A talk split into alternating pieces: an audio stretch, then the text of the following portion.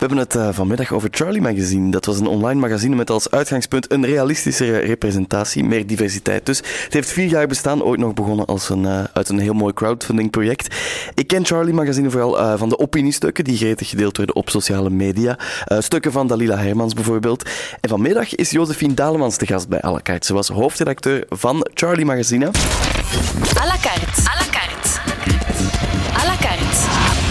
Met Robbe Petitjean en Margot Otte. Dag Josephine, ik zeg altijd hoofdredactrice. Wat hoor je het liefste? In plaats van hoofdredacteur of uh, hoofdredacteur is prima. Ja? ja? Daar heb je geen punt van gemaakt? Nee, nee, nee die kleine dingetjes, nee. nee. Oef. Het is nu al een paar maanden geleden sinds je die zware beslissing hebt moeten nemen om na de boekzines ook te stoppen met het online platform van Charlie. Hoe kijk je daarop terug? Hoe kijk ik terug op de stopzetting of op het hele verhaal misschien? We zullen beginnen bij de stopzetting. Ja, ja, ja. Uh, het was inderdaad een hele moeilijke beslissing. Ik heb ook uh, daarover lang gedaan om de juiste keuze te maken. op het moment zelf was het wel echt pijnlijk. Ik weet nog goed dat ik op, het, op de centknop duwde om het bericht online te zetten en het via de nieuwsbrief te verspreiden. En toen heb ik toch wel even ja, moeten slikken, een paar traantjes moeten laten. Maar achteraf denk ik wel dat het de juiste beslissing was. Ik heb het toen ook heel duidelijk gecommuniceerd. Uh, ofwel moesten we uh, inboeten aan kwaliteit of onze auteurs minder betalen. Mhm. um, omdat het zo moeilijk was om uh, ja, een financieel plan te, te, maken. Ofwel zijn wij in schoonheid geëindigd, wat we ook gedaan hebben. En kunnen wij terugkijken op vijf prachtige jaren waarin we toch wel wat steentjes verlicht hebben. Het was een principiële keuze hè? om ja. het te doen zoals jullie het voor ogen hadden en het om, om het anders niet te doen. Is dat haalbaar? Om, om zo te functioneren? Voor jullie ging het niet meer. Nee. nee, dus wij hebben alles geprobeerd. Dus wij zijn gaan aankloppen bij verschillende andere grotere mediabedrijven om een soort van structurele samenwerking of een overname uh, te bekomen. Dat is niet gelukt, omdat ik ook wel heb gemerkt dat heel veel mensen in de journalistiek vandaag het moeilijk hebben, zelfs de grote bedrijven. Uh, we hebben geprobeerd met een abonnementensysteem, we zijn ook met, uh, met adverteerders samengewerkt, we hadden ook een sprekersbureau. En al die dingen werkten op zich wel, maar niet voldoende om alles draaiende te houden.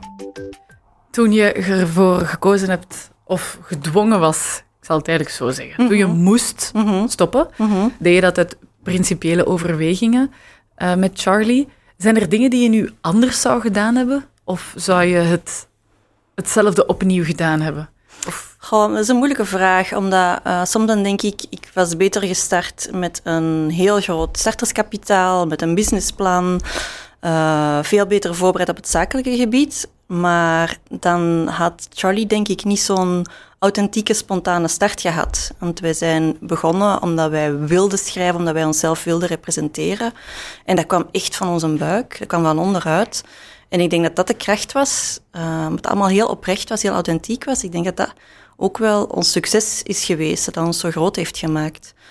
Uh, en het is altijd moeilijk om die twee te verzoenen, hè? die mhm. authenticiteit en dan nog uh, op zakelijk vlak. Want wat ook belangrijk is, is dat jullie zijn begonnen voor MeToo. Ja. Ondertussen zijn veel meer mensen bezig met die ongelijkheid. Ja. En zijn veel meer mensen bezig met moeten er quota zijn? Zijn er op veel plaatsen ook al quota om evenveel mannen als vrouwen te hebben? Maar heb je het gevoel dat, het, dat MeToo, de, mm de grootte daarvan, dat jullie die ook parten heeft gespeeld in zekere zin, omdat heel veel andere media daar ook op gesprongen zijn?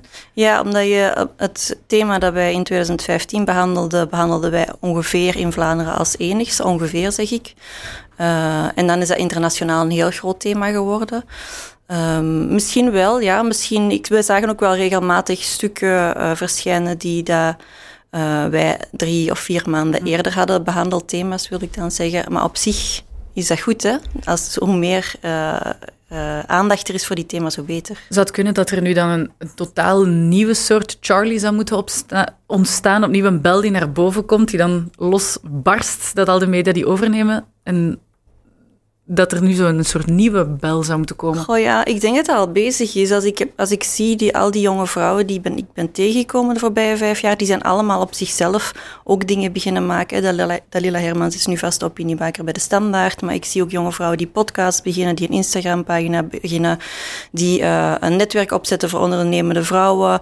Dus echt, ja, dat is wel op verschillende vlakken al aan het gebeuren. Mm En ik vind dat fantastisch en ondersteun al die vrouwen keihard. Ik hoop alleen dat zij wel een modus vivendi vinden om te blijven bestaan. Zijn er dingen um, die je hebt geleerd de afgelopen vijf jaar die je nu gebruikt om, en wil doorgeven? Wat is volgens jou absoluut de les die je eruit hebt gehaald uit de vijf jaar Charlie? Goh, um, dat is een moeilijke één les. Ja, ik geef ook wel advies aan, aan bedrijven. Dus uh, ik word vaak gebeld en dan vragen ze mij... Ja, hoe moet dat dan, die representatie? Of hoe moet ik meer vrouwen aantrekken op de redactie? Of uh, hoe zit dat dan met die gendergelijkheid? En dan probeer ik die bedrijven of organisaties daarin te, te helpen of te ondersteunen. Um, ik denk dat een eerste ding is... Uh, ja, luister naar wat die vrouwen te vertellen hebben. Neem hen serieus, neem hun bezorgdheden serieus. Wimpel dan niet te snel af als, ja, dat is politiek correct gedoe. Mm Omdat je er zoveel bij te winnen hebt. Ik heb zelf ook superveel geleerd de afgelopen vijf jaar. Ik zat vroeger nog in een vrij witte blik, maar omdat er zoveel mensen van kleur op de redactie werken, is mijn blik ook enorm verruimd. En dat heeft mij alleen maar rijker gemaakt als persoon. Mm Dus ja, dat geef ik ook altijd als advies aan... Uh, die bedrijven en organisaties. Ben je soms bang dat mensen het nog te veel zien als een plicht om in te zetten op diversiteit en op gendergelijkheid? In plaats van dat ze merken dat er een urgentie voor is? Ja, ik denk het wel. Het is vaak een, uh, om in kindertermen te zeggen, een moetje in plaats van een magje. Um, en ook hoor ik vaak van ja, er mag niks meer of ze pakken alles af. Zo het idee dat er iets af wordt gepakt. Maar ik zie het eerder als een, als een verrijking. Kijk naar wat dat je wint. Je, als je en vrouwen en mannen kan aanspreken op eh, een even respectvolle manier, dan win je gewoon een hele nieuwe groep mensen, een hele nieuwe doelgroep. Ook idem voor mensen van kleur, ook idem voor mensen uh, die, niet, die niet hetero zijn of die niet binair zijn. Je wint gewoon enorm veel. Ja, ja. Het is een heel nieuw blik en opportuniteiten dat je open doet. Ja. Ja, het zou uh, geen verplichting mogen zijn, maar een evidentie, zoiets. Ja. À la carte. Ja? Nee. Ben je bang van het coronavirus? Nee. Ben je koppig? Ja. Verbaas je jezelf vaak? Mm, ja, misschien wel, ja. Wanneer heb je jezelf voor het laatst verrast? Uh, dat is geen ja-nee-vraag, hè? um... Of verbaasd? Wanneer dacht je... Hm. Toen ik uh, publiek ging spreken op een podium, ja. Dat is niks voor jou? Ik had het nog nooit gedaan en op zich ben ik uh, niet een heel extravert persoon. Um, en ik bloos ook heel snel. Dus ik vond het wel een overwinning, ja. Was je toen, had je toen het gevoel van oké, ik heb hier een, een, een, nieuw doel bereikt, ik kan dit ook? Ja, ja, ik had wel zoiets van oké, dat is iets dat ik niet durfde of dat ik mezelf niet zag doen. Ik heb dat gedaan, ik word er ook steeds beter in. Ik bloos nu ook niet meer als ik op een podium ga staan. Dus dat is een nieuwe skill die ik onder de knie heb. Ja. Wat vind je het allerbelangrijkste om door te geven als je gaat spreken voor, uh, voor mensen, studenten, bedrijven? Um, misschien, misschien dat wel. Dat, dat, je niet zoveel angst mag hebben om jezelf te laten zien of jezelf te laten horen. Dat ik ook maar gewoon iemand was met een idee uh, en ook heel veel twijfels en onzekerheden. Maar ik heb het toch geprobeerd. en, en dat wil ik misschien doorgeven dat de drempel niet altijd zo hoog moet zijn. Niemand is perfect en dat hoeft ook helemaal niet. Nee, dat is inderdaad ook de boodschap, de boodschap van Charlie. Ja. Wat ik soms moeilijk vind, als ik dan zo mensen zie spreken, dan denk ik soms, ja, dat is helemaal waar wat zij zegt. Maar dan denk ik, goh, maar ja, ze zeggen dat allemaal. Is dat misschien niet wat, wat de, de cliché? Hoe probeer je zo door te dringen tot tot je publiek. Ja. Ik probeer altijd uh, een persoonlijk verhaal, in, ook in mijn artikels en ook in mijn lezingen, um, te steken, zodat het niet zo van die generische uh, algemene wijsheden zijn. Mm -hmm. Want wie ben ik om, uh, om wijsheden te gaan verkondigen? Dus ik probeer altijd vanuit mezelf te vertrekken. En wat ik zelf het beste ken, kan ik ook het zelf, zelf het beste vertellen. en ook ja, zo eerlijk mogelijk te zijn. Ja. Herinner je je nog de eerste keer dat je een artikel schreef waarin dat je echt iets van jezelf uh, blootgaf dat je daarvoor nog nooit gedaan had? Hoe voelde dat? Um, je voelt dat toch wel een beetje eng, omdat ja, je zit op het internet, iedereen kan die dingen delen, kan commentaar geven, kan je terugvinden op sociale media. En dat is altijd heel dubbel, hè, want mensen houden ervan als je oprecht en eerlijk bent en als je dingen deelt. Maar je stelt je ook heel, heel kwetsbaar op. Dus dat is mhm. een heel dubbel gevoel. Achteraf ben je blij dat je het gedaan hebt, maar ergens, ja, het is toch wel heel kwetsbaar. Heb je ergens ooit spijt van gehad? Van dat had ik misschien toch niet moeten zeggen, dat was te persoonlijk? Of niet? Mm, nee, ik denk, nee, achter alles wat ik ongeveer gezegd heb, kan ik nog altijd wel staan, ja. Dat is niet slecht. Dalila Hermans die brengt een boek uit. Ja.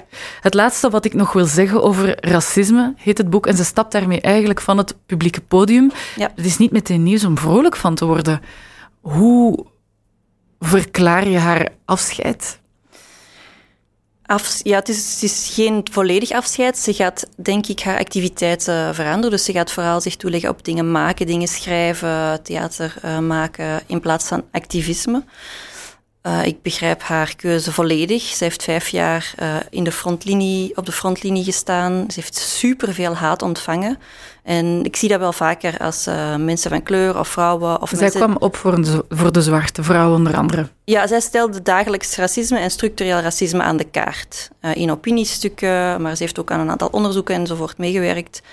Um, en daar kreeg zij heel veel kritiek en heel veel haat op. Uh, en dat is jammer, want dat doet iets met een mens. Ik vind het heel deprimerend om te zien dat iemand met zo'n sterke stem moet terugstappen, omdat het gewoon niet meer gaat. Mm Je kan niet anders dan die keuze respecteren, denk ik, omdat mm -hmm. het zo moeilijk is. Hoe ga je zelf om met de toch wel vaak giftige mm -hmm. uh, reacties op internet, sociale media? Ja, we hadden het er net eventjes, uh, eventjes over. Ik heb mijn Twitter bijvoorbeeld verwijderd uh, na de reportage op Pano over Schild en Vrienden, omdat daar achteraf duidelijk werd hoe hun uh, tactieken zijn. En ik dacht, ik wil echt absoluut geen enkel risico meer lopen. Ik werd ook heel depressief van, van, van altijd maar die haat en die anonieme troll te krijgen. Dus ik heb mijn Twitter-profiel verwijderd. op Facebook laat ik niet zomaar iedereen toe. Um, ik post ook niet zo heel veel meer.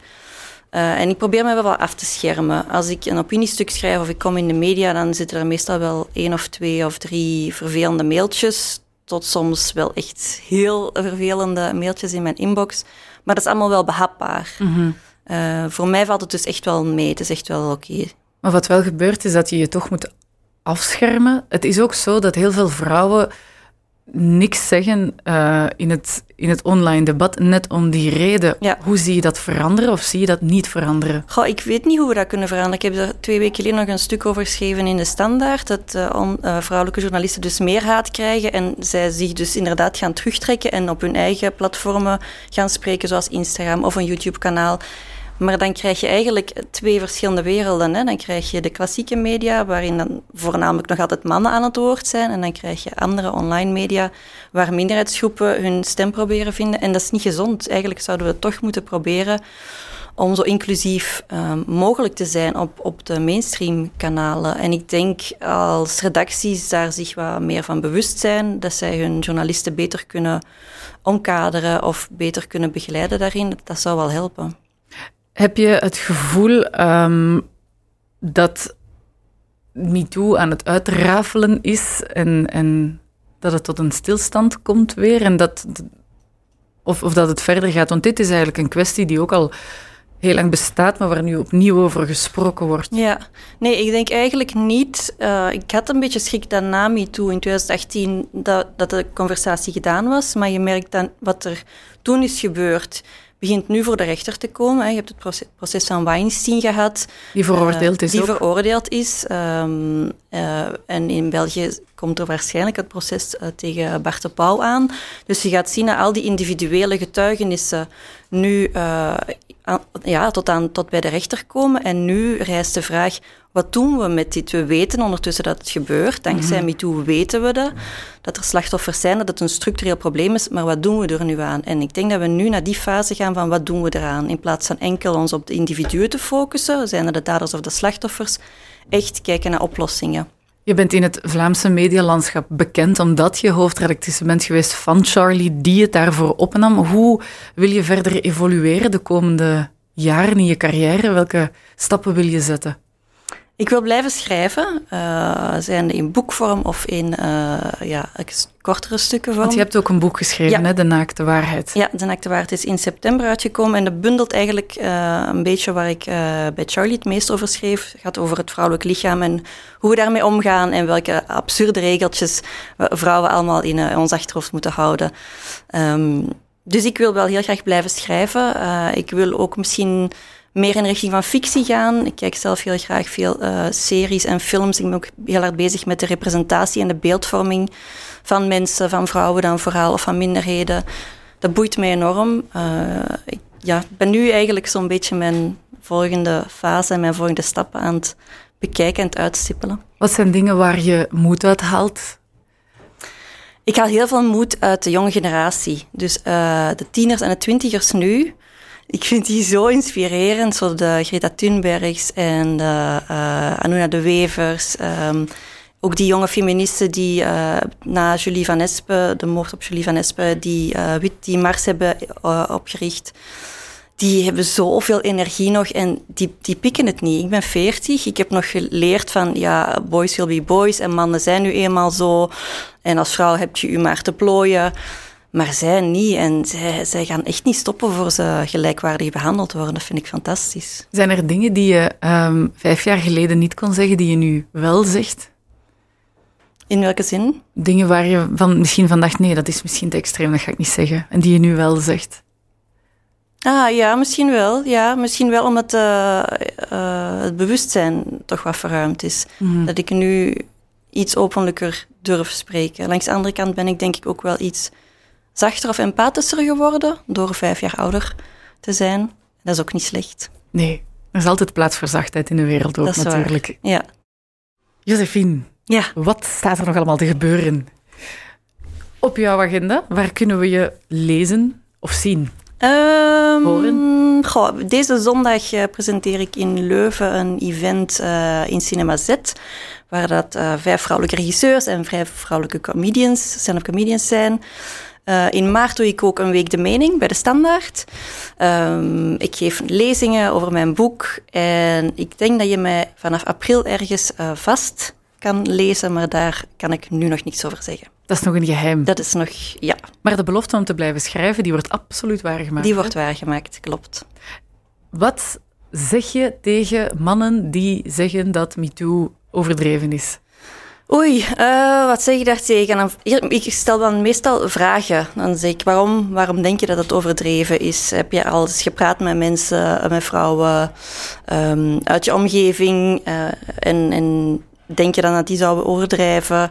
Waarom voel je je zo aangevallen? En waarom reageer je zo defensief? En ik probeer door hen vragen te stellen, hen zelf antwoorden te laten geven. Werkt dat? Soms wel, soms niet. Um, goh ja, krijg ik heel, heel vaak het antwoord: uh, ja, maar niet alle mannen zijn zo. Nee, dat klopt, absoluut niet alle mannen zijn zo. Dat heeft ook niemand ooit gezegd. Maar bijna alle vrouwen hebben wel al iets dergelijks meegemaakt. Dus wij moeten daarover kunnen praten. Mm Of ja, ik voel mij schuldig uh, en ik wil mij daar niet schuldig over voelen. En dan zeg ik: ja, je schuldgevoel heb ik niet nodig. Daar, daar lossen we niks mee op. We moeten het hebben over oplossingen. Wat kunnen we veranderen? denk eens naar nou je eigen gedrag. Heb je het ooit al gezien en niet ingegrepen? Heb je het ooit al zelf gedaan? Dus ik denk dat we weg moeten gaan van die beschuldigingen en moeten kijken naar hoe kunnen we het veranderen. Zie je het als een levenswerk? Um, voor mij persoonlijk niet. Nee, ik vind het wel een enorm belangrijk debat. En ik denk dat ik er wel nog de komende jaren mee ga bezig zijn. Ik hoop dat ik ook structurele verandering ga zien in mijn leven nog. Mijn moeder zegt ik ga het niet meer meemaken. Ik hoop dat ik het nog wel ga meemaken. Maar ik denk wel dat we op de goede weg zitten. Ja, dat denk ik absoluut ook. Dankjewel, Josephine, om langs te komen heel vandaag. Heel graag gedaan. het heel fijn. Ik ben benieuwd uh, om te lezen wat je zal schrijven in de toekomst. Oké. Okay. Dankjewel. Dank je. Dada. Ja, en zondag is het dus uh, Internationale Vrouwendag. En dan is er in Leuven dat evenement uh, in de Cinema Z. Ik ben even de line-up gaan bekijken. Er zitten wat goede comedians tussen. Serene Ayari bijvoorbeeld, die ook al uh, bij ons te gast was. Soenzuki, die is ook heel grappig. Amelie Albrecht en Roosje Perts. Ik weet niet of je Roosje Perts kent. Nee, die ken ik Ik vind die hilarisch. Je moet, die, moet eens gaan zoeken. Ze heeft ook een hele fijne podcast. Oké. Okay. Over... Um, op dieet gaan. Heel grappig met uh, Lucas Lely ook. Die hilarisch. De Koekeman. Dankjewel, Josephine Dalemans, om uh, gast te zijn. En veel succes zondag. Dank je.